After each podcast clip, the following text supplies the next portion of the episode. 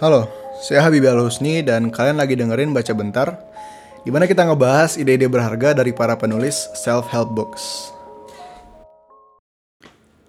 Kita pasti pernah jadi pemimpin atau megang tanggung jawab sebagai ketua dari sebuah tim. Mungkin tim kecil atau mungkin organisasi besar. Dan perasaan paling gak enak itu kalau performa timnya jelek dan kita udah mulai salah-salahan. Kita ngeliat anggota tim kita tuh udah kayak nggak ada nggak ada harapan aja gitu kita kita salahin si A karena dia begini, si B karena dia begitu, si C karena dia emang ada error orangnya. Tapi kita nggak sadar kalau kesalahan paling besar itu sebenarnya ada di kita, si ketua timnya. Kita akan ngebahas seorang penulis dan mantan Navy SEAL, Joko Willing, dan kenapa menurut dia nggak ada tim yang jelek, yang ada hanya pemimpin yang jelek. No bad teams, only bad leaders. Melalui buku Extreme Ownership yang ditulis Joko Willing sama Liv Babin, gue bakalan nyoba untuk meyakinkan kalian di akhir episode kalau sukses atau gagalnya sebuah tim itu semua tergantung sama pemimpinnya. Oke, kita langsung aja. Mulai si Joko Willing ini terkenal karena dia itu dulu seorang Navy SEAL yang pernah berjasa di aksi Iraq War. Perang Amerika sama Irak.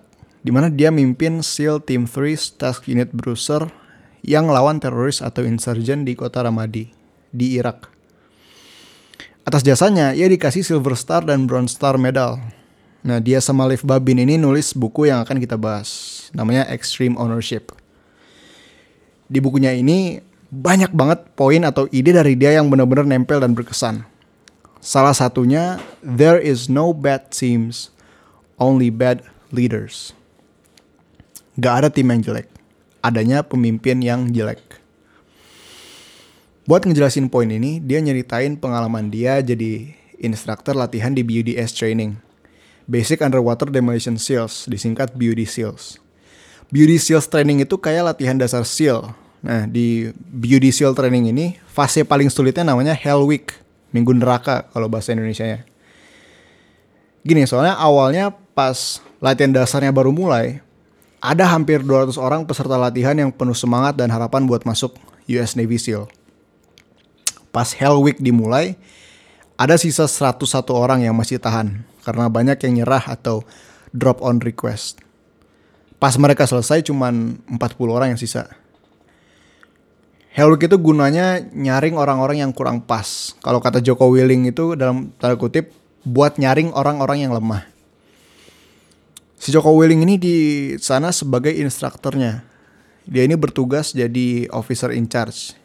Kerjanya itu ngawasin kru instruktur BUDS yang menjalankan pelatihannya. Salah satu bagian yang terkenal dari Hell Week itu ada namanya tantangan perahu karet. Lokasinya itu di pantai. Jadi tiap tim dikasih perahu karet.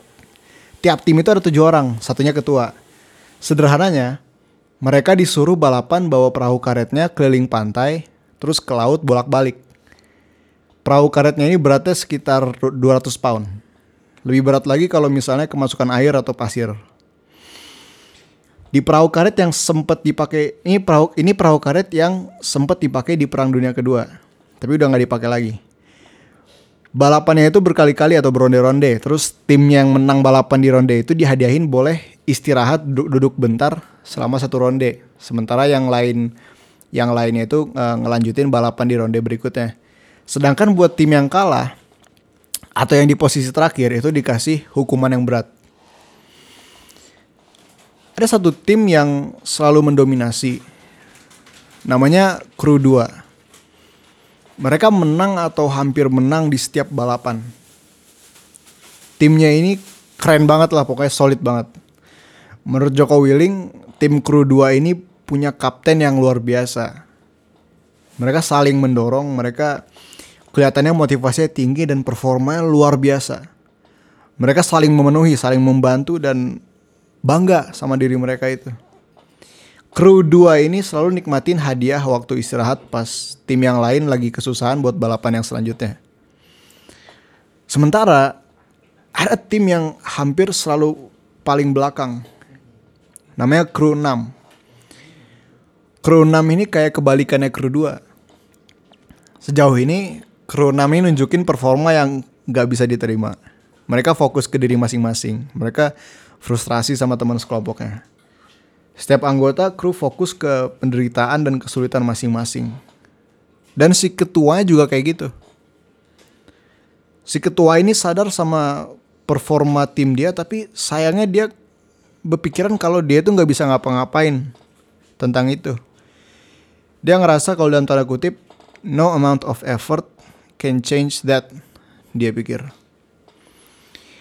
Di lokasi latihan ini ada senior chief petty officer Senior Chief ini perwira non komisi yang paling berpengalaman dan dihormatin di antara kader instruktur SEAL. Si Senior Chief ini ngelihat performa kru 6 dan kayak kesel gitu sama si ketuanya. Senior Chief ini ngasih solusi buat kru 6. Solusinya tuh gini. Kru 2 yang mendominasi tadi tukeran pemimpin sama kru 6. Kata Senior Chief tuh gini dalam tanda kutip, Mari kita tukar ketua dari kru yang paling bagus sama yang paling jelek and see what happens. Semuanya masih sama.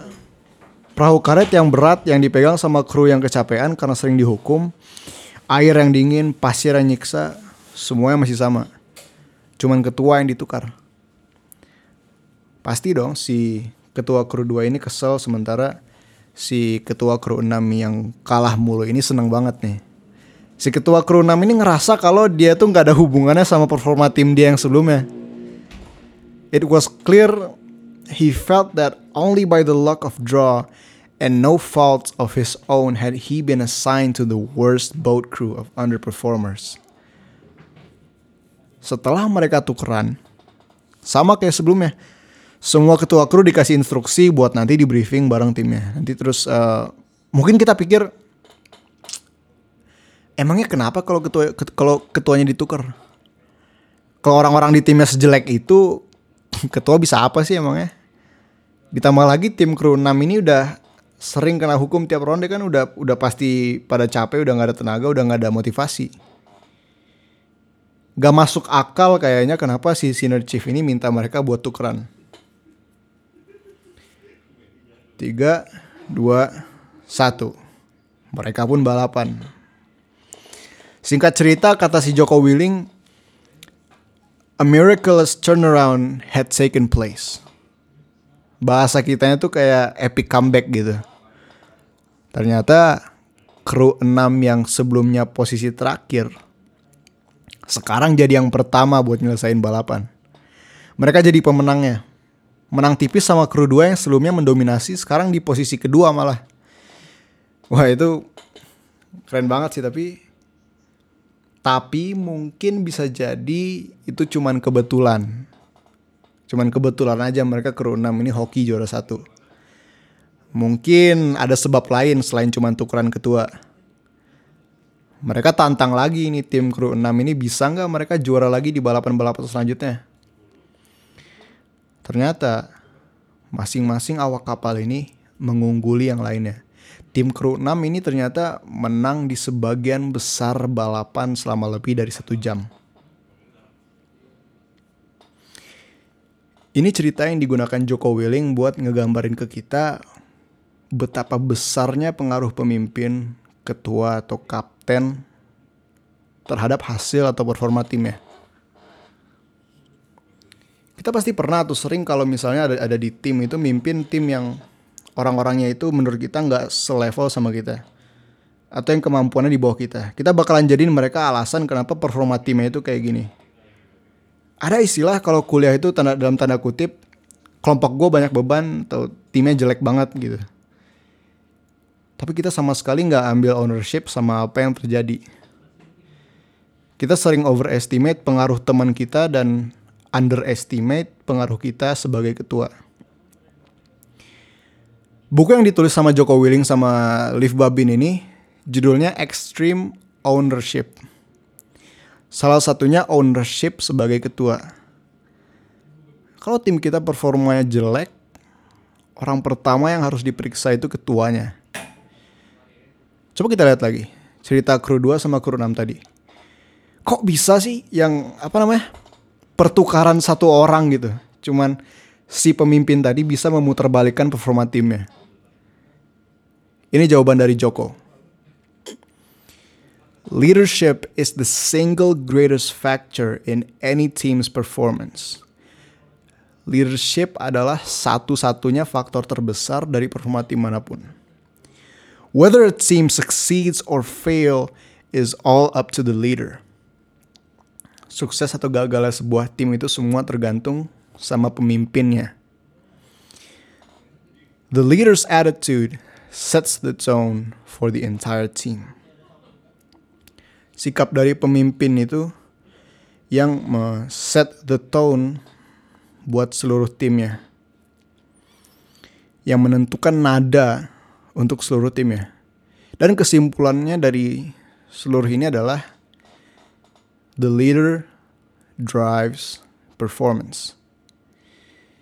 Terima kasih udah ngedengerin baca bentar sampai akhir. Semoga bermanfaat dan sampai jumpa minggu depan.